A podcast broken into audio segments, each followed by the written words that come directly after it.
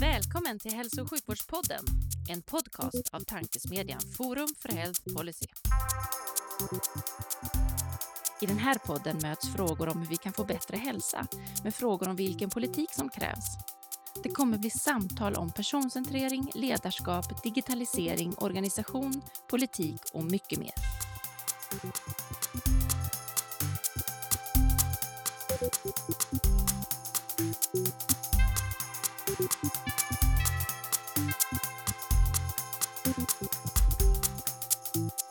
Hej och välkomna till Hälso och sjukvårdspodden, Tankesmedjan Forum för Health Policies podcast där vi diskuterar de stora frågorna inom hälso och sjukvård med initierade personer från densamma. Jag heter Magnus Lejelöw och arbetar till vardags för Colivia men även ambassadör för Forum för Health Policy. Och vid min sida idag har jag en hälso och sjukvårdsprofil med hattar inom både reumatologi och digitalisering i synnerhet och sjukvården i Västra Götalandsregionen i allmänhet. Varmt välkommen till podden Boemark. Tack så mycket. Allt bra med dig en eh, onsdag som denna? Absolut. Solen skiner och eh, en vecka på jobbet full av energi. Kan det bli bättre? Gud vad härligt. Det är så man vill att det ska vara.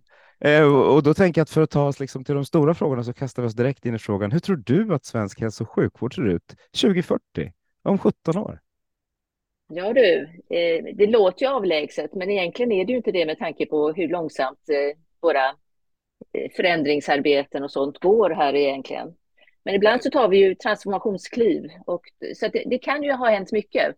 Och i sådana fall händer det någonting drastiskt så tror jag det kommer vara så att vi kommer använda väldigt mycket mer eh, data. Eh, patienterna kommer äga sina data, de kommer dela dem med vårdgivarna när de tycker och har behov av det. Och vi kommer få färre sjukhus, men det kommer vara specialiserade sjukhus. Och istället kommer man komplettera det med hospital at home till mycket större utsträckning. Och det är ju ett begrepp, hospital at home, som har börjat användas mer och mer även i Sverige nu. Inte minst i, Malmö och Stockholm. Eh, vi har också ett embryo i Västra Götaland. Eh, men utomlands är det ju väldigt etablerat, i alla fall i västvärlden. Mm. Tror du att patienterna kommer att dela sin data eller hoppas du att patienterna ska dela sin data eller är det både och?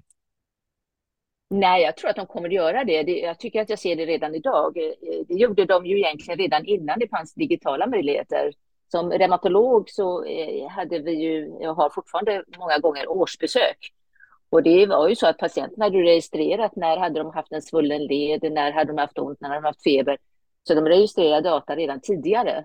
Nu finns det ju bara eh, betydligt mer effektiva sätt att dela data genom att man registrerar det, eller rättare sagt telefonen kan registrera det åt dig och du bara liksom får en sammanställning. Så att det här med att dela data är egentligen inte nytt, utan det är väl mer sättet vi delar data på och också sjukvårdens möjligheter att ta tillvara på patientdatan och göra något vettigt med den och inte bara säga ja, ja, du registrerar ditt blodtryck hemma, men nu ska vi ta ett riktigt blodtryck här på mottagningen fast patienten är jättenervig och stressad och det blir helt fel blodvärde, eller blodtryck. Vi kommer tillbaka där. Du, du fuskar lite, för reumatologin har alltid legat i framkant med det där med, med patientdata och patientdatadelning. Men jag kommer tillbaka till det, men jag tänker för lyssnarnas skull så, så tänkte jag ställa frågan. Vem är du då, Boel? Vad, vad, vad gör du idag och vad har du gjort för att komma dit? Ja, jag, jag, jag är ju läkare, eh, reumatolog som du sa, alltså sysslar med patienter med eh, sjukdomar i muskler, senor, eh, leder och så vidare. Min, min subspecialitet är inflammatoriska ryggsjukdomar, det som kallas för ankyloserande spondylit. Och det håller på med hela min läkarkarriär, vilket börjar bli ganska lång här nu. Ja, jag kollade eh, ditt CV på LinkedIn och inser att den börjar bli väldigt lång. ja, den börjar bli väldigt lång. Det börjar bli väldigt lång. Och därför är det så kul att få vara med och, och fortfarande tänka nytt. Jättespännande. Så jag jobbade som läkare, men redan tidigt så hade jag ju massa åsikter om hur vården bedrevs. Och det var väldigt struligt innan vi hade Eh, Eh, digitala system för att hålla ordning på patienterna, deras återbesök och så vidare. Så att jag engagerade mig tidigt och tyckte att vi måste jobba med förbättringar.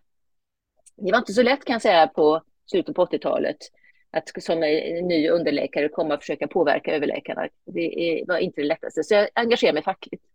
Så jag jobbade fackligt i många år. Så att, och, ja, har väl alltid varit intresserad av att få bidra med mina åsikter och att försöka få någon att lyssna på dem. Det Eh, och helst också att det blir en action efteråt. Sedan så blev det ju så att, att eh, jag fick olika ledningsuppdrag istället och varit ja, verksamhetschef inom reumatologin på Sahlgrenska universitetssjukhuset under många år. och sedan varit då det som på, i, i, i vår värld i Västra Götaland kallas områdeschef, det vill säga chef på Östra sjukhuset i Göteborg, eh, inte minst under pandemin då under fem år. Och sen nu då digitaliseringsdirektör på Sahlgrenska universitetssjukhuset och det är ju fantastiskt spännande. Att vara med och leda denna förändring. Ja, men exakt. Det låter som en av de roligaste uppgifterna man kan ha och en av de svåraste uppgifterna man kan ha eh, där liksom alla förväntar sig stordåd och, och, en organisation som du sa där det går ibland går lite långsamt eh, och i en, ett liksom läge där vi är nu där det går hysteriskt snabbt. Hur, hur, hur gör man för att det ska bli liksom, för att digitalisera lilla Sahlgrenska? Ja, du. Det är en stor fråga, eh, men det händer på olika sätt. Eh, rätt som det är så är det någon verksamhet som själva tar ett jättekliv. De har ett eget initiativ, det är någon som har någon bright idé och får med sig gänget som blir lyssnad på och det händer mycket. Ibland så gör vi det som vi har gjort nu. Vi har lanserat en digitaliseringsstrategi med en roadmap och en roadmap som är ganska jordnära som man verkligen kan använda sig av som eh, första linjens chef och få saker att hända. Men det är ju många saker och det är ju det vår, som är vår liksom 10 000 kronors fråga hela tiden. Hur sjutton får vi saker att hända? Det är ju ingen, ingen brist på planer, idéer, strategier. Det har vi ju gott om i, Sverige generellt. Men just att få det här action och få det att, att sätta sig, inte bara bli en, en eh, dagslända utan att verkligen bli en permanent förbättring för både medarbetare och patienter. Mm. Det är det som är klon då. Och, och, hur gör man det? För när du tillträdde din tjänst, då fanns inte till exempel ChatGPT som numera klarar amerikanska AT-tentan. Alltså det går ju liksom det går ju lite snabbt det här. Ja. hur, hur, hur, hur, får man in, liksom, hur ser man till att ligga i framkant? För det är ju ändå det som ja. ni pratar om att ni vill göra. Ja, men absolut. Och eh, det är det som är, är både spännande och lite eh, utmanande i det här jobbet, att det går väldigt fort, speciellt utanför hälso och sjukvården. Mm. Men så har vi då alla våra regler, eh, förordningar, eh, tolkningar av vad man får och inte får göra. Till exempel molntjänster. Det är ju inte så att yay, det, nu tar vi och använder molntjänsterna här. Men det, det kan man ju, inte säga att det Nej, utan det är ju cybersäkerhetsrisker, det är andra saker man måste ta hänsyn till som är viktiga. Vi är en del av, av, av Sveriges eh, totalförsvar så att säga inom hälso och sjukvård och måste fundera många varv extra. Så att, man, ibland blir man ju lite frustrerad kan man ju lugnt säga då när man eh, ser hur det går och, och vi sneglar ju bara på bankvärlden eller på något annat eller resebyråvärlden där patienterna eller, eller personerna kan själva göra sina ärenden på distans och boka sina resor på distans och, och så där. Och vi kan eh, inte ens fullt ut släppa på eh, våra tidböcker till patienterna eh, av olika skäl. Eh, det går lite olika fort, men samtidigt i, forskarvärlden på SU, där är ju många forskargrupper som använder olika typer av AI redan idag. Mm. Så att det finns både och på samma tomt kan man säga då. Och det gäller för oss att försöka få det här att, att, att lägstanivån lyfts och att eh, patienterna blir riktiga medskapare av vården på riktigt. Så att, säga. att de verkligen får lov att ta över många delar som de själva vill ta över, inklusive att boka sin egen återbesökstid och sånt. Ja, det låter, låter som en, en, en vettig väg att gå. Men, men jag bara hoppar tillbaka till det med, med, datadelning och, och, patientdata. För eh, som när jag har liksom jobbat vid sidan om de reumatiska sjukdomarna så ser man ju liksom, ni har ett fantastiskt kvalitetsregister. Allting har liksom, ni, ni har anammat det hela, patienterna gillar det. Och sen när jag är som patient eh, vid sidan i vården så kan jag inte alls dela mina data på samma sätt som jag skulle vilja, som är egentligen mycket enklare data än de data som har delats mm. till Romaregister. Hur, hur ska man se till att få, få ihop dem där? Få det som mm. de som mm. springer i framkant, vilket ju är några kvalitetsregister där man faktiskt använder datan hos patienten mm. och hela övriga sjukvården. Ja. Ja, kvalitetsregister det är ju ett kapitel för sig som du säkert vet. Det, det har ju varit en mångårig och intensiv satsning på kvalitetsregister och det är ju eh, ändå bara ett fåtal av dem som riktigt är, har en bra teknisk grad och där man kan få eh, IRL-data, så att säga, in real life-data, samtidigt som man har patienten framför sig. Och, men, men jag tror att kanske på sikt, eh, vi pratade om 2040 förut, att jag tror inte man behöver den typen av register då, utan då ska våra journalsystem, eller vad vi nu vill kalla dem för, vara så, eh, så funtade att man samlar in data där i en pool och extrahera den data man behöver eh, till de syftena man behöver det vid behov.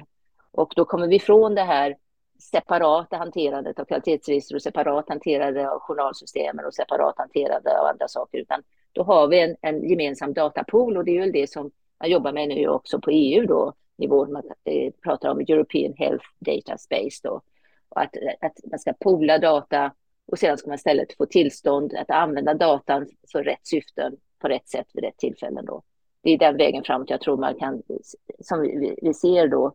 Men idag, nu, ja du, vi, man jobbar ju för fullt. Vi jobbar för fullt på, i Västra Götaland också med att försöka få till det här med att patienter ska kunna dela sina data. Det är flera projekt som pågår just nu, as we speak, så att säga. Eh, så att jag har full förhoppning om att eh, nu ska det inte ta så lång tid, det har vi sagt länge i vården, men det ska inte ta så lång tid nu, utan nu, nu det verkar som stjärnorna står och allting står på rätt sätt. Så att det blir en framdrift. Och sen så den, eh, den nya politiken är också tydliga med på, på riksnivå att att man vill det här. Eh, man vill ha en bättre framdrift och enklare vård och tillgängligare vård för patienterna. Mm. För det är svårt det där, för, för jag håller med dig. Jag tycker man ska lägga ner kvalitetsregistren. Inte för att jag tycker man ska lägga ner dem, utan för att jag tycker att de liksom, datadelen av dem börjar bli gammal. Däremot vill man ju verkligen behålla alla lärdomar vi har fått av att jobba med kvalitetsregistren. Och det är en sån här, för nu blir det, ju, det är många som vill ha, vill ha kvar dem för att de har ju alltid jobbat med dem. Men hur, hur, hur mm. för det, det, är också en sån här förändringsresa som är intressant. Hur, mm. hur gör man det? Ja, men jag tror att där, där registren inte riktigt har liksom lyft, det finns ju många register där, där man eh, lägger in eh, data retroaktivt och man får ut data en gång om året, då blir det ju en helt annan typ av datasamling. Det jag tror att man behöver i sjukvården, om vi inte pratar om forskning det är ju att man behöver eh, data här och nu för att kunna eh, få ett eh, behandlingsstöd när man har patienten framför sig. Ska jag välja medicin A eller B? Ska jag ta nya prover eller är det bra som det är? Eller ska vi sluta behandlingen? Eller så här. Den typen av data, det är ju realtidsdata och det vill man ju ha direkt. Och det bästa är ju då om vi kan få det i, i de journalsystem vi ändå jobbar i och inte behöva göra det eh, vid sidan om. Men, men eh, än så länge så är, jag otroligt tacksam för vårt, eh, för vårt system, vår, system inom reumatologin som gör, möjliggör för patienten att gå in inför mötet och registrera sina data så att och vi kan dela dem under, under patientmötet sen. Och jag har ju ända sedan, eh, jag har lite mottagning kvar, en halv dag i veckan som är fantastiskt roligt och stimulerande. Och då har jag bara digitala vårdmöten nu sedan pandemin. Så jag får ju testa det här att jobba då digitalt och eh, då brukar alltid fråga komma, ja men om patienten har en, en Solenled eller någonting, ja men då, vi har en intern jour och det vet patienten och det är drop-in och det är inga problem, då kan de gå dit och vi har två sådana tillfällen per vecka så att det är liksom ingen sån delay där. Smart, det låter som en vettig lösning. Vad, vad, tror du? Om jag, om jag nu, för min data är ofta sparad i telefonen. Nu håller jag upp pedagogiskt yeah. min telefon här i, i mötet. Ser, ni lyssnare ser ju inte det, men det spelar ingen roll. Eh, vad, när, när, tror du att jag kan komma till vården och förvänta mig att okay, men vården har koll på hur mycket jag har gått, har koll på hur, liksom, vilken aktivitet jag har på, av olika slag i telefonen, det jag väljer att dela med vården. När tror du att det kommer att bli en del i, liksom, i, i mitt möte med, med vården?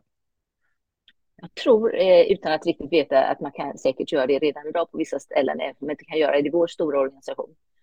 Eh, eh, men jag skulle tro att det, vi håller på med, som du också har frågat mig om tidigare, då, en implementering av ett nytt vårdinformationssystem i Västra Götalandsregionen. Och när det är implementerat nu då fullt ut om en, en, en tre år sådär, då tror jag att vi har kommit väldigt långt i den frågan och säkert kan använda det på bästa sätt. Kul! Det, det, det ja, var, ja. det var mer positivt än jag hade trott på, på, på ja, den frågan. Millennium som, som ska implementeras i, i VGR eller håller på att implementeras mm. Eh, har mm. förskjutits några gånger framåt och det är liksom ett stort, stort litet projekt. Vad, vad är din bild av det? Nu vet jag att du är biased eftersom du sitter med i, liksom, i styrningen. Ja. Men, ja. men, vad, men vad, vad, vad, tycker du om hur det går? Vad kunde man gjort annorlunda och vad, vad är det som kommer att bli förändringen för patienterna i VGR? Jag kan alltid göra saker och ting annorlunda. Eh, det är inte alltid säkert att annorlunda blir bättre i slutändan. Eh, men eh, där vi är nu, vi, vi hade ett som heter top level-möte med Oracle Health. Det är också intressant, man håller på med ett projekt länge, upphandlingen började väl 2017 sådär. Och nu är vi på 2023. Du då har ju också Sörner som levererar både vårt nuvarande system inom sjukhusen i Västra Götaland, Melior och, och eh, Millennium nu då, eh, de har ju också hunnit bli uppköpta och byta namn och så här, som heter Oracle Health nu då. Och, men det är samma personer fortfarande i, den, i toppledningen i USA, i Kansas City då, som, som leder här och vi har ju haft förmånen och möjligheten att träffa dem nu ett antal gånger de senaste åren. Och vi hade möte nu i måndags och då får man då höra från Oracle Health hur de ser på framtiden då med, med, med Cerner som är av världens största leverantörer av eh, e-hälso-records, eh, alltså ett journalsystem, och eh, med Oracle som kommer in som är, är liksom i framkant på att leverera eh, molntjänster Mm. hur de eh, tillsammans nu då ser hur ska de kunna förbättra då Eh, mötet mellan patient och vårdgivare på olika sätt. Allt ifrån det att vi ska liksom inte behöva eh, diktera och så vidare, utan vi ska göra allting, hela journalsystemet ska bli röststyrt. Eh, de som, av oss som går på Vitalis fick ju en liten sneak peek av det eh, på eh, ett av, av utställarna där. Det är ju helt fantastiskt, för då kan vi ju verkligen koncentrera oss på patientmötet och inte på att svara på ett x antal frågor och, och så vidare. Utan, och det är ju, den utvecklingen som sker nu gör ju att, att det känns ju att, att vi är på helt rätt väg. Vi har, det fanns ju en oro från många håll att vi köpte ett, ett, liksom ett stationärt gammaldags system som inte gick att ändra i. Men eh, dels gjorde vi inte det och dels så då den här, eh, den här sammanslagningen med Oracle gör ju nu att det finns ju alla möjligheter att ligga framkant även fortsättningsvis. Det kommer bli en fortsatt utveckling av de här systemen så att vi kan hänga med i, i, i utvecklingen och få en bra leverans och service till patienterna och att det blir lättare för medarbetarna. Mm. Eh, och min bild eh, på Vitalis idag, i år, idag, det var ju faktiskt flera månader sedan, men då, det, att, att det hade hänt mycket mer. Det var mycket mer prat om vad man gjorde och det, vården kändes, men det var du som sa det till och med, att liksom, verksamheten och snacket var mycket närmare varandra. Är, är det liksom bilden att det fortsätter att vara så även efter Vitalis?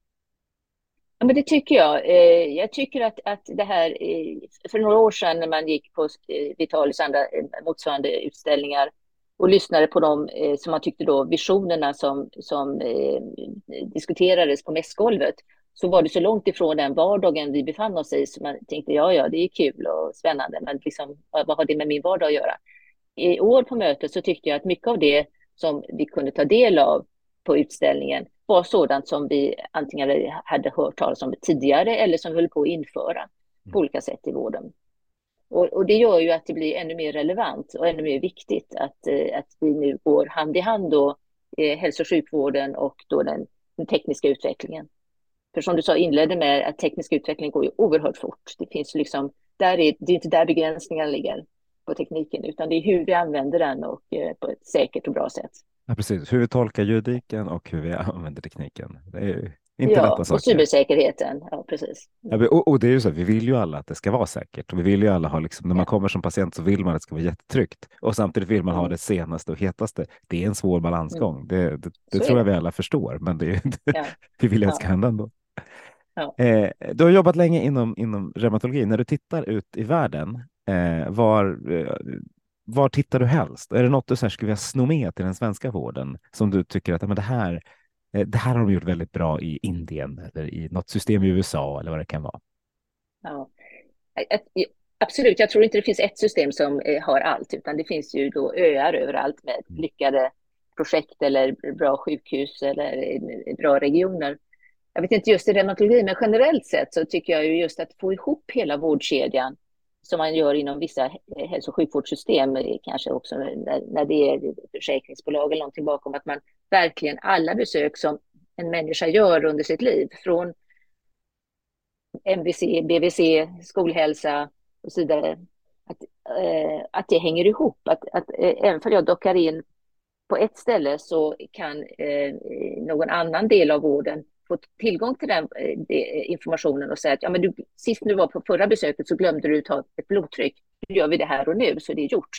Att man har, just när vi pratar om en gemensam datapool, att det är inte så otroligt viktigt vem som för in datan eller hur datan kommer in där. Det viktiga är att den kommer in där. Eh, för att sedan kunna få en bra sammanställning för att hjälpa patienten att göra rätt val Eh, både när det gäller vård och hälsa. Och vi pratar ju väldigt mycket om det som du sa just nu med hälsofrämjande arbete. det, är ju, det, det, vet vi ju alla egentligen om vi stannar upp och tänker till att det är mycket smartare att jobba eh, förebyggande till en lägre kostnad än att vara hjältar i vitt eh, på ett akutintag när det liksom riktigt har, har liksom gått snett. Men vi har ju fortfarande, de, de systemen vi har idag är ju lite grann snuttifierade så att man tar varsin del. Och, och eh, även ifall vi är ett hälsofrämjande sjukhus så ligger ju ändå fokus på det, att hjälpa till när allting annat har gått snett så att säga. Ja, för det, det ligger lite i sjukhusets natur att det, man tar hand om ja. de som kommer in där. Men vad, vad tror du ur, liksom, ur din roll när det finns massa möjligheter med digitalisering bland annat och, och, finns en massa förståelse för att jo, men vi borde nog jobba lite mer preventivt. Sekundärprevention, mm. ja, men det, det fattar alla. Eh, primärprevention, mm. Det, det, förstår mm. alla. Det här behöver vi göra, men frågan är vem, vems ansvaret är. Om det är individens eller om det är systemets eller om det är liksom, vad, tror du man, vad tror man ska kunna göra annorlunda för att göra det bättre? Jag tror i alla fall inte man ska eh, nedmontera skolhälsovården. Det tror jag inte är rätt väg att gå. Eh, går det, höll jag på att säga. Men... Ja, jag tycker väl att utan att vara någon expert, tycker jag väl att det, liksom, det skulle man, man skulle nog kunna satsa ännu mer där.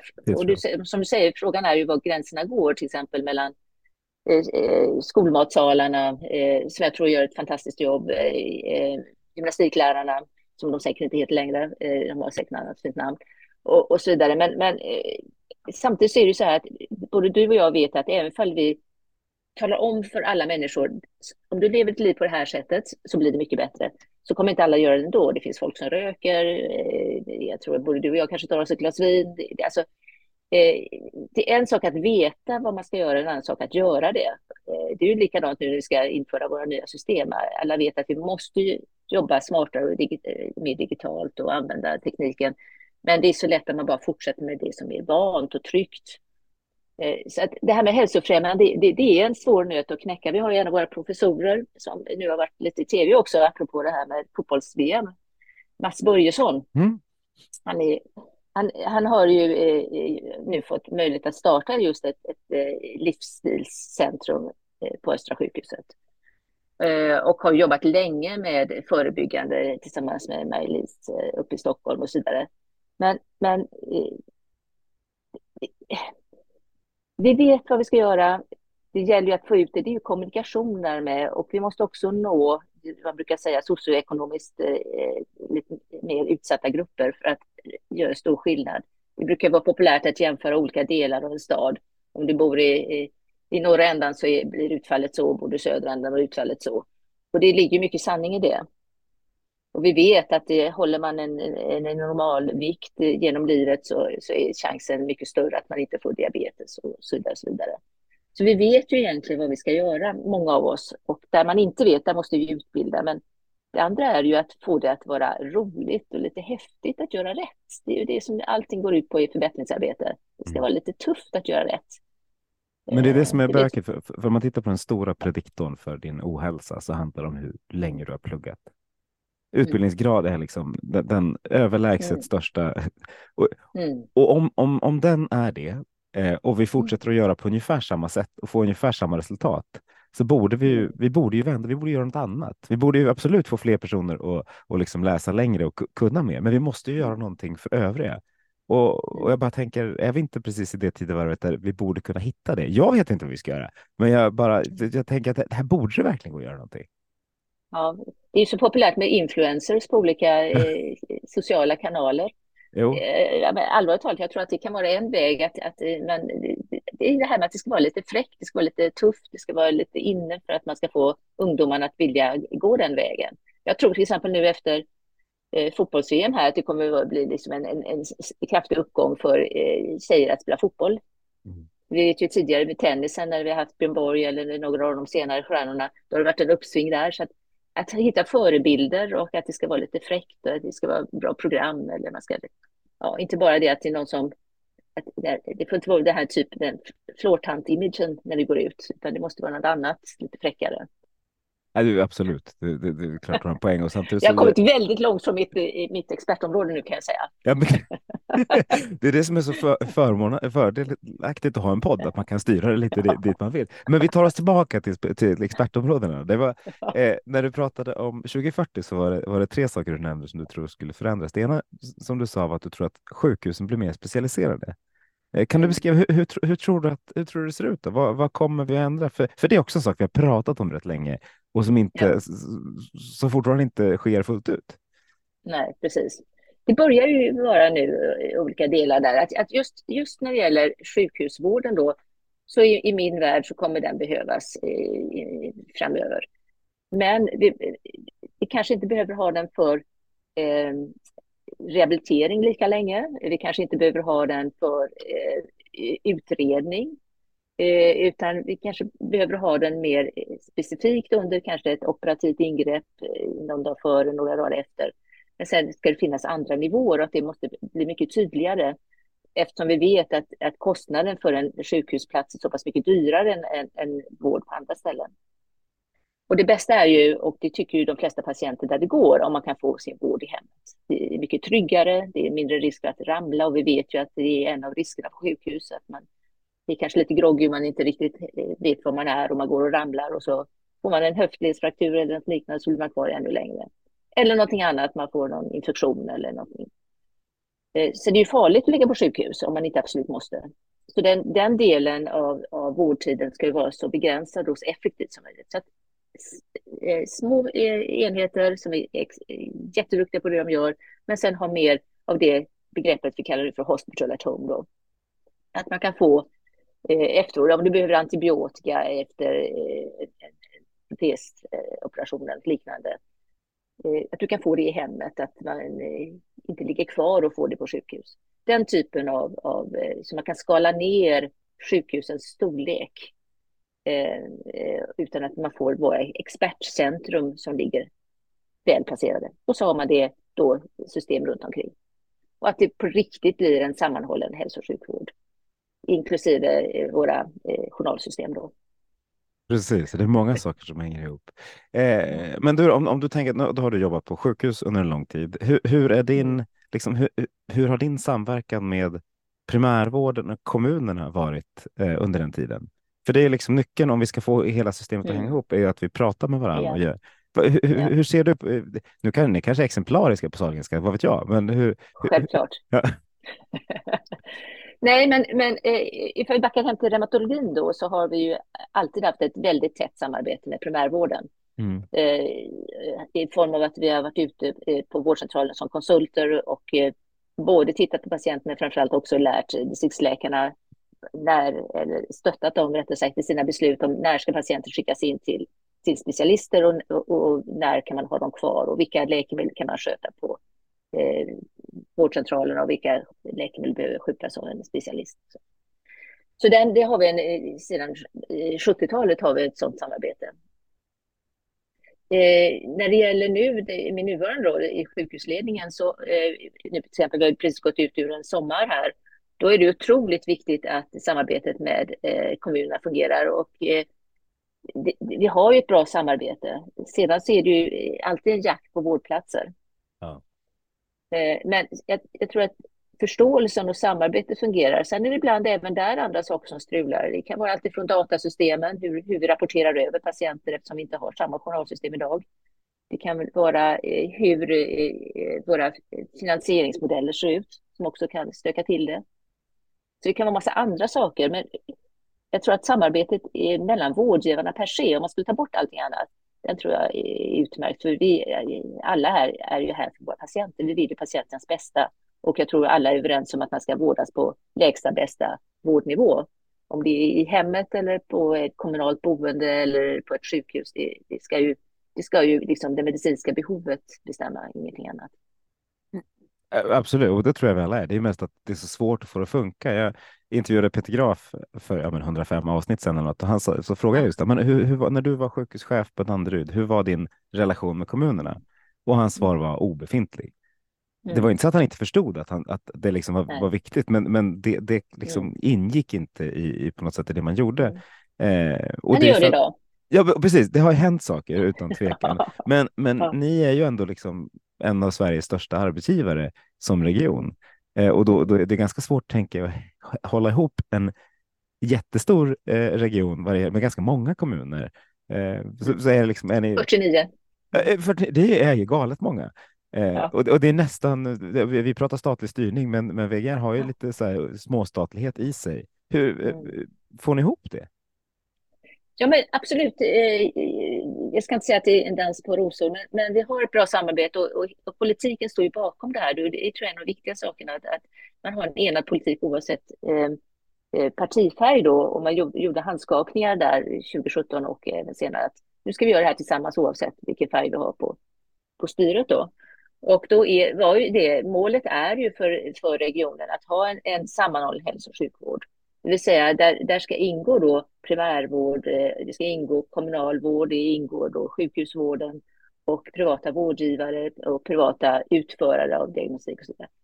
Hela det här ska, ska kunna ha tillgång till samma eh, datasjö. Eh, I det här fallet då en, en, ett, ett, eh, en vårdinformationsmiljö då för att det ska bli enklare, eh, att det inte ska, att, ja, det är det här populära ordet, det ska bli en sömlös vård. Och det blev väldigt tydligt också under pandemin hur viktigt det var, eh, just att vi kan dela data med kommunen på ett enkelt sätt och att det inte blir delay i det och att vi har all information vi behöver för patientens skull. Så det, det, är ju det som är både den politiska målsättningen och målsättningen för oss tjänstemän. Det är ju att få ihop den här visionen nu i ett system och ett sätt att hantera data Eh, och vårt utförande och erbjudande av, av vård så att det blir en bra helhet inom regionen. Mm. Och eh, ja, det är snart upp till bevis. Första implementationen av millenniumsystemet eh, är ju redan i slutet av nästa år då. Det är spännande att se vad som händer. Det kan man säga. en sak som man man, men som vi ofta pratar om när det handlar om, om digitalisering, är att vi ska, det här kommer kunna vara en del i lösningen på kompetensförsörjningen. Eh, och, och den, bristen på ja, men framförallt sköterskor just nu gör sig ju gällande inom liksom hälso och sjukvården. Vad, vad tror du? Hur, hur, eh, hur ser du på kompetensförsörjningen idag och framåt? Också alltså, men jag jobbar med nätta små frågor idag märker jag. Ja, precis. precis. Det är så här, eh, politiken blir min nästa karriär, eller vadå? Nej, men, eh, nej, men eh, kompetens är otroligt viktigt. Och vi, alltså, hälso och sjukvården är ju ett kompetensföretag, om man säger så. Mm. Det är liksom inte stenarna i sjukhuset som är, är, är vår styrka, utan det är ju alla medarbetares kunskap och hur vi delar den och hur vi använder den. Så första nivån av digitalisering är ju att ta bort allt onödigt monotont arbete som kan göras av andra. Eh, och, och, då hoppas ju jag eh, och tror att vi ska kunna klara oss framgent när vi nu blir färre, färre, eh, som kan jobba, färre som kan jobba i vården framgent. Vi kan inte ha alla som kommer ut på arbetsmarknaden att gå till hälso och sjukvården, även om vi skulle vilja det. Det är många andra behov i samhället, eh, polisen, militären, eh, skolan och så vidare. Och så vidare. Jag, eh, jag pratade med Peter Kjell på, på Tech Sverige. Han sa att alla behöver gå till oss om vi ska kunna, liksom, våra medlemmar ska kunna Leverera. göra vad de vill göra. Så mm. det, det, det, är någonstans, alla behöver jobba. Ja, det, är lite, ja, det är lite slagsmål om, om eh, de unga människorna och även oss äldre kanske. Men, men då behöver vi ju skala bort allt onödigt, som är oftast också ganska tråkigt eh, och monotont. Så man känner att man ska sitta och lägga in de här uppgifterna. Till exempel, vi pratade om kvalitetsregister förut. Att göra två stycken registreringar av samma data känns ju ganska meningslöst idag kan man ju tycka. Jo. Och det är det vi vill få bort. Och, eh, så att jag, jag tror för det första är att eh, jag tror inte bara att medarbetarna i vården behöver vara rädda för att AI eller några andra inom, inom kort tid kommer ta jobb från oss, utan de kommer bara möjliggöra att vi kan utföra våra jobb. Jag tänker just nu, det var lite skriverier i, i somras, eh, med rätta då, om köerna till mammografi i, hos oss. Mm. Eh, där, ser, där ser vi också från många, inte minst i Stockholm, då, att har ju erfarenhet av att använda AI för, som ett stöd för diagnostik när man gör bröstcancerbedömningar eh, och så vidare. Och eh, att komplettera, att man kompletterar med ett digitalt stöd. Det är det vi är ute Vi pratar om, om, om alla möjliga digitala eh, assistenter. Det kan vara chattbottar, det kan vara annat. Men, men, det är ju inget nytt i Sverige. Det används ju på många andra ställen. Och jag tror att vi måste bara använda det och hitta bra användningsområden och inte vara så rädda för det inom vården. För att då kan vi avlasta mycket, mycket monotont arbete för att använda den kompetensen vi har till där det behövs, det vill säga i direktkontakt med patienterna. Absolut. Eh, och samtidigt så har vi en väldig fördel vad det gäller liksom, hälso och sjukvården. Det finns någon slags man kan ha ett kall och vilja jobba där, för det, fin det finns ju ett mm. syfte med att jobba inom ja. hälso och sjukvården. Och samtidigt har vi en miljö som har varit liksom rätt oflexibel eh, och, och det har, vi har inte haft de kanske bästa lönerna. Vi har haft, det, det, det, är en, det gäller verkligen att vi steppar upp om vi ska kunna konkurrera mm. om, om arbetskraften. Så är det ju. Och, och, det här samtalet har ju eh, haft sin utgångspunkt inom, om, inom sjukhusen, ska säga. Det är ja. säkert en annan utveckling inom primärvård och privata rådgivare på andra ställen. Men vi har ju, det är lite mer kanske eh, eh, inte lika lättstyrt eller lättpåverkat inom, inom sjukhusvärlden som på andra ställen. På, en, på ett sätt. Men å andra sidan, som jag sa tidigare, inom forskningsvärlden så går det ju väldigt fort och där tar de till sig nya metoder. Så det gäller att få till en bra korsbefruktning där. Och det får man inom många specialiteter. Radiolin är ju ett sådant område där vi ser patologin i ett annat, hudkliniken i ett tredje. Så det finns goda exempel där man tar till, till sig den nya eh, tekniken och försöker då inkorporera den i en, en eh, vardagsvård, om man får lov att säga så. Mm. Men, det, men generellt sett går det fortfarande lite för långsamt. Det tror jag vi alla är överens om. Utan vi behöver ju ha en omställning, en digital transformation här och att få en momentum så att vi kan verkligen se skillnaden. För den eh, ökningstakten och det behovet av personal som vi har idag, den är för hög. Det, det, det, går inte att leverera det i Sverige. Det finns ingen möjlighet, utan vi måste göra på annat sätt.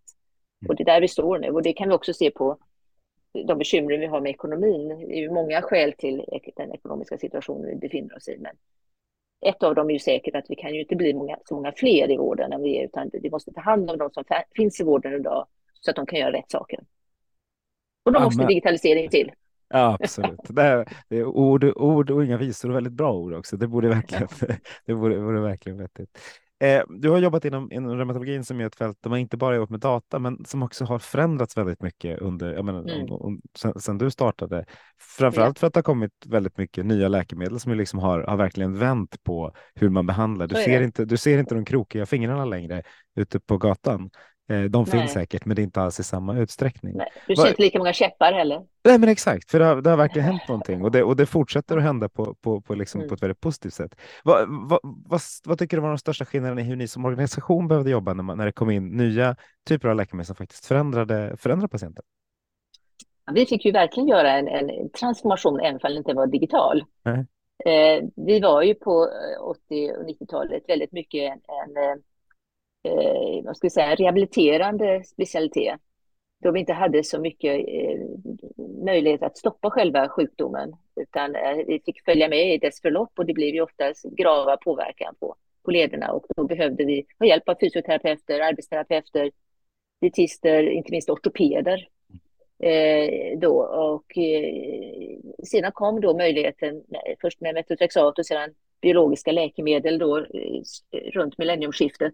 Och det var faktiskt en revolution. Eh, och det, det, det betyder ju många saker. För patienterna betyder det ju att många eh, över en natt, nästan precis, eh, kunde känna att inflammationen försvann ut ur kroppen. Sen var ju förstås de, de skador de redan hade med sig, de var ju kvar. De, det var inte så, men inflammationsgraden stoppade. Otroligt intressant och, och eh, rörande att se. Eh, det, Eh, och när det, gäller då, när det gäller personalstyrkan så fick vi växla om, så vi har blivit en immunomodulerande specialitet idag från att ha varit en mer rehabiliterande specialitet. Så vi fick ställa, göra ett totalt skifte där på vilken personalkategori behöver vi och varför och vad kan vi göra. Så att vi har ju, eh, som du säkert vet, då, deltagit i Almedalen under jättemånga år för att eh, de här läkemedlen kostade otroligt mycket när de kom. De är inte gratis idag heller, men det var ju sådana otroliga summor och det som man brukar säga att ni får ta det inom ram, det var inte ens möjligt. Då hade vi fått lägga ner kliniken och så haft någon läkemedelsautomat istället. Mm. Eh, så, så, att vi behövde ju få en förståelse där för, för eh, vilken hälsoekonomisk nytta, förutom då eh, patientnytta som de här nya läkemedlen gjorde. Och då var vårt sätt att lösa det, det var ju att vara på Almedalen bland annat att få med politiken och få politiken att eh, säga som de gjorde 2011 tror jag var, Mats Eriksson sa det, att en miljard till de reumatiskt sjuka, inga problem. Och det var ju det är sådana uttalanden man behöver i det läget för att kunna gå hem och, och jobba med frågan. Så vi har gjort en, en, en, en, en fantastisk resa för oss själva och patienterna inte minst. Då. Och det har varit otroligt spännande att vara med på den. Ja, för det var faktiskt en av mina reflektioner innan jag tänkte på det här. Du är en av dem jag tänker på som är läkare och har varit på Almedal, under Almedalen, så även för så länge jag har varit där, vilket börjar bli ett tag nu. Eh, att, ja. att, det just, ja. menar, att, det, att det, just, det har varit en sjukdom som man verkligen behöver påverka eh, politiken också med. Jag, tror, jag gissar att det inte är samma sak just nu, men att det verkligen fanns ett läge där det verkligen behövdes. Eh, ja. Och nu pratas det om precisionsmedicin till exempel på ett helt annat sätt än vad det gjorde för alltså 30 år sedan, 20, 20 ja. vad det kan vara. Ja. Ja. Ja, det är häftigt. Nej, men det, det, och det, det är intressant och det är en otrolig möjlighet att ha i Sverige idag att, att kunna träffas på öppen plats eh, och diskutera saker högt och lågt med beslutsfattare och eh, eh sådana här plattformar att ha dialog på är ju otroligt viktiga. Mm. Det, så, eh, så jag hoppas att det kommer fortsätta finnas några sådana här mötesplatser, mötesfora. Vitalis igen på sitt sätt, det var ju fler beslutsfattare med där i år tror jag någonsin också. Ja, verkligen. Eh, och det finns några andra sådana mötesplatser i Sverige. Jag tror att de är otroligt viktiga, man ska inte underskatta dem. Vi säger ju nu att ja, vi kan ha digitala möten som du och jag har här nu, men, men eh, någon gång, ett par gånger per år, så tror jag man behöver ha det här. Både för att själv ha möjlighet att få ut ett budskap eh, och, och information, men också att få in vad händer runt omkring mig så att man inte blir för smal i sitt eget liv, utan att man hör händer runt omkring mig, vad kan jag sno från andra områden, från andra specialiteter eller andra delar av, av eh, Norden eller Europa och så här. Så att det är viktigt med mötesplatser. Mm, jag håller med. Man är sällan så berikad som man är när man kommer från Almedalen och sällan så trött mentalt som man är när man kommer från Almedalen. ja, man brukar säga det, att skoja lite och säga att det är liksom ett kollo för vuxna ungefär. Exakt, och inget ont i det. Vem vill inte gå nej, på kollo? Liksom?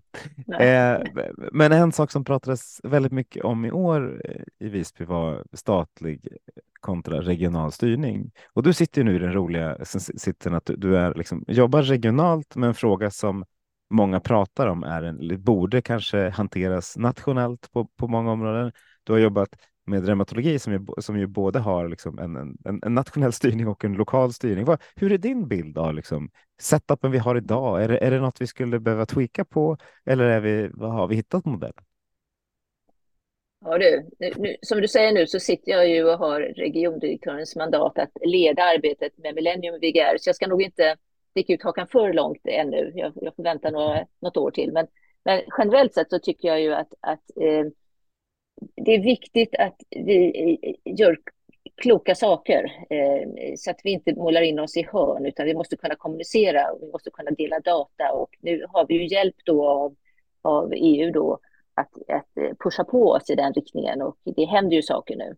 Mm. Eh, vi har ju diskuterat den frågan länge, men en sak som jag tycker är ganska självklar är att vi kan inte ha vad vi nu har, 21 regioner eller vad det är det är, blir för puttinuttigt. Det går inte att eh, bedriva, i, i, i min åsikt, en, en jämlik vård med så små eh, enheter som det är på vissa eh, regioner. Då. Utan inom reumatologin och inom många andra saker, registercentrum och eh, regionala cancercentrum och så, så har vi ju i, i praktiken sex regioner i Sverige.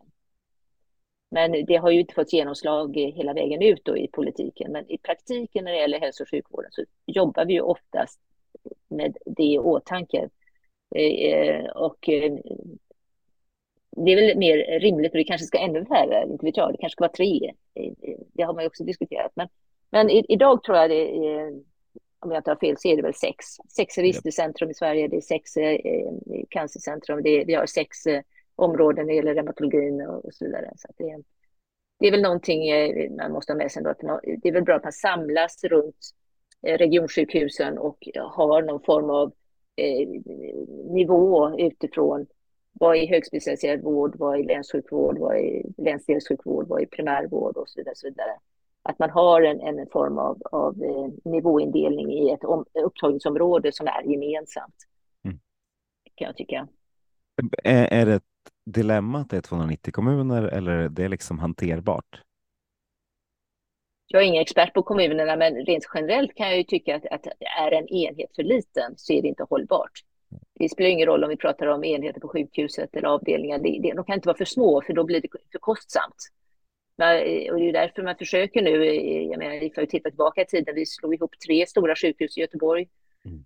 Då, eh, 97 var det väl ja, och eh, Eh, man har slagit ihop i, i Skåne och man har slagit ihop i Stockholm. Sen kan man diskutera om det blir rätt eller fel, men det man är ute efter det är ju att försöka få att eh, overheadkostnaderna ska vara så låga som möjligt. Det är, det är som tanken på något sätt, att man ska kunna, det ska kunna vara gemensamt. Eh, och sen var gränserna går, och den pendeln går lite fram och tillbaka, men för små enheter, det, det, det blir väldigt svårt och, och det blir också sårbart. Det räcker med att en person är borta då så faller kanske en hel verksamhet. Så att det, ja, tillräckligt stora, stabila, självgående enheter, vad det nu betyder för var och en av oss. Och du har nog chansen med politiken Boel. Du lyckades hantera den här frågan. kanske, kanske. Jag har varit med några år nu. Ja, men det får man säga. Det var riktigt bra tassat där, men också att du ja. säger massa vettiga saker. För det finns ju också. Vi sitter inom en, en, liksom ett ganska litet land vad det gäller till exempel digital infrastruktur där vi kanske behöver göra någonting. Även om vi då mm. skapar olika miljöer så behöver vi kunna dela data i alla fall. Eh, och det, det, det, finns ju tendenser åt det hållet, vilket känns härligt.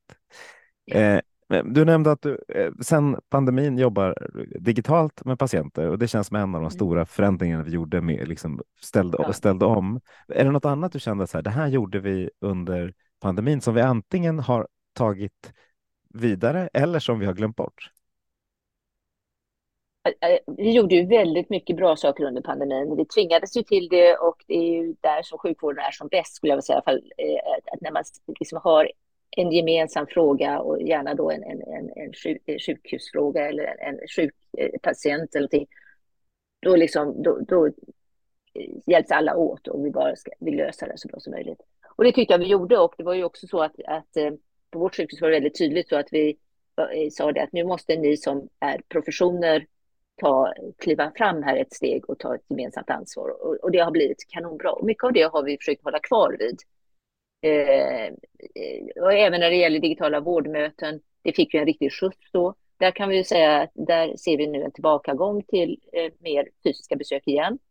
Det finns många skäl till det. Det kan ju vara ett uppdämt behov av att man behöver träffa patienten fysiskt. Så vi får väl se eh, om något år igen om det ökar. Men idag tror jag på sjukhuset vi kanske har en ja, det är inte, kanske inte mer än 5 procent av alla besök som är digitala vårdmöten. Och det kan jag tycka är lite lågt. Det är säkert jättemycket högre inom primärvården. Men, eh, In, inte så mycket som man skulle, skulle kanske önska, skulle jag säga. Nej, nej det är möjligt. Ja. Nej, och, och, så det är väl både och, både, både en vana från patienterna och en vana från eh, vården. Men jag, jag, tror att man underskattar eh, hur väl det fungerar med eh, videokonsultationer för många typer av besök. Mm. Jag tycker åtminstone att man ska pröva det innan man kastar ut barnet med badvattnet.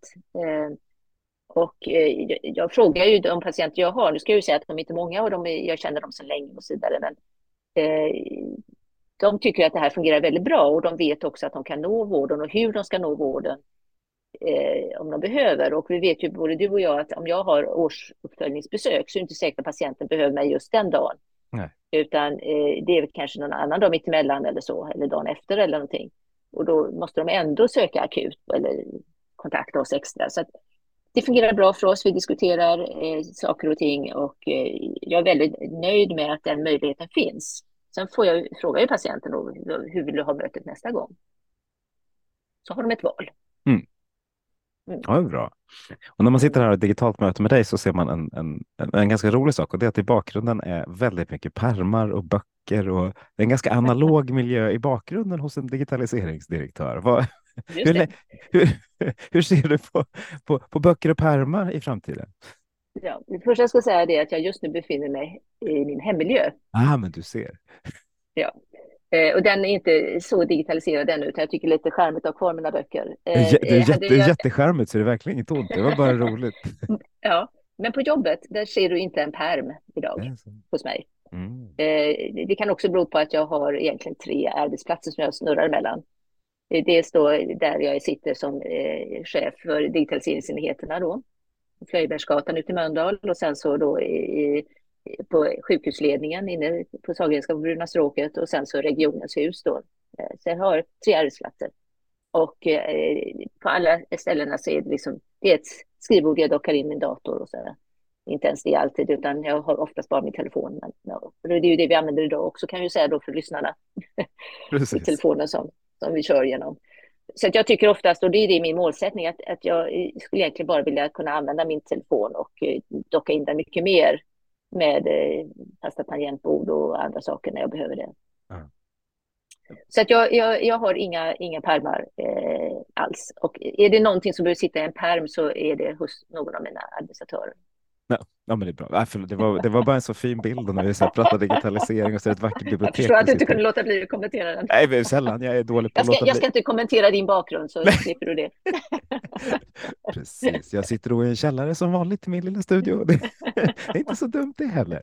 Eh, eh, en annan sak, du har varit chef länge inom, inom vården. Hur, hur är din mm. syn på, på ledarskap eh, inom hälso och sjukvården idag och i framtiden?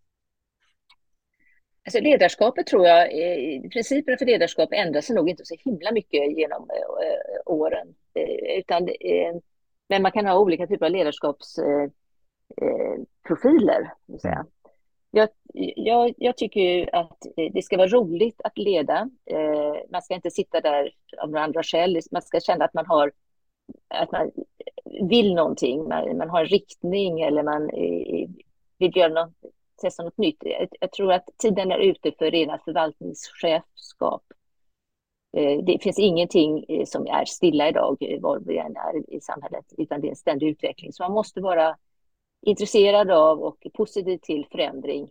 Och förhoppningsvis är de förändringarna också positiva, så det blir förbättringar. Men, men leda, jag tror att ska man vara ledare inom hälso och sjukvården så måste man vara medicinskt utbildad, i alla fall på sjukhusen det underlättar. Det är, det är så många olika typer av, av legitimationsyrken eh, som eh, tycker att eh, för att få ett förtroende för sin ledare så behöver ledaren kunna någonting om det man är satt att leda. Så det är min ingång. Jag tror inte att man kan liksom ta vem som helst och sätta var som helst man måste ha ett engagemang för den verksamhet man leder, man måste vilja någonting, man måste förstå vilket, i vilken kontext man jobbar, man måste förstå systemet man jobbar i, vilket jag också tycker ibland brister. Om man går ut och frågar någon, vet du vem din, inte den närmaste chefen, men någon chefnivå upp är, och så vet de inte det. Och det kanske inte är så himla viktigt, man måste, man måste ha någon form av uppfattning om vad är det för system, system vi jobbar i, annars kan man bli frustrerad på saker som inte är lönt att bli frustrerad på eller av fel skäl. Mm. Och, och, vi måste också förstå att vi jobbar i, i, i en politiskt styrd organisation i Västra Götaland. Och vad det betyder och att det finns olika typer av logiker för, beroende på var du sitter och vilken typ av uppdrag du har. Eh, och den systemförståelsen eh, behöver man nog förbättra tror jag eh, generellt, både för medarbetare och för, för chefer. Att förstå konceptet och förstå vad man kan påverka och hur man kan påverka. Vissa av oss åker ju till Almedalen då, mm. men, men det, det finns ju andra sätt eh, ju och man måste förstå för att annars så blir man lätt utbränd och frustrerad om man bankar sitt huvud blodigt på en dörr som aldrig kommer öppna sig så att säga. Mm. Så att jag, det ska vara roligt att vara chef och jag tycker det är jätteroligt att vara chef och jag har varit chef på olika nivåer nu sedan 97, 98. Det är ju ett tag sedan. Då har man lärt sig någonting. De har inte kastat ut mig ännu. det tror jag inte att de gör heller. Eh, när vi började prata så, så, så frågade du hur länge ska vi prata? Då? En timme ungefär. Oh, det är länge. Eh, nu har vi pratat mm. ungefär en timme. Eh, var det något ja. du kände att du hade velat prata om som du inte fått prata om när du kom in i det här digitala rummet? Jag tycker vi har berört väldigt många olika saker och som du sa eh, inledningsvis att eh, tiden går fort när man väl kommer igång med ett samtal och du är ju en trevlig och lättsam samtalspartner så att det, det går ju lätt att prata. Sen får man väl försöka fundera på eh, vilken nytta lyssnarna har av det här. Men, men eh, jag kan i alla fall säga så här att, att är det någon som är intresserad av att prata med mig mer så får man gärna kontakta mig. Jag finns både på, inte så mycket längre på Twitter eller X, utan, men på LinkedIn finns jag ju och eh, jag finns, jag finns här på Sahlgrenska. Jag, jag är inte hemlig. Så det går att fördjupa sig om man skulle önska. Och det tror jag att det är fler som gör. Det rekommenderar jag. Det är alltid trevligt att prata med dig, Boel. Men du, då skulle jag vilja tack. tacka varmast för ett, för ett trevligt samtal. Ja, tack själv. Jättetrevligt. Ha det så bra Magnus. Ja, det detsamma. Och så går vi ut och förändrar svensk hälso och sjukvård till bättre allihopa. Tack så mycket.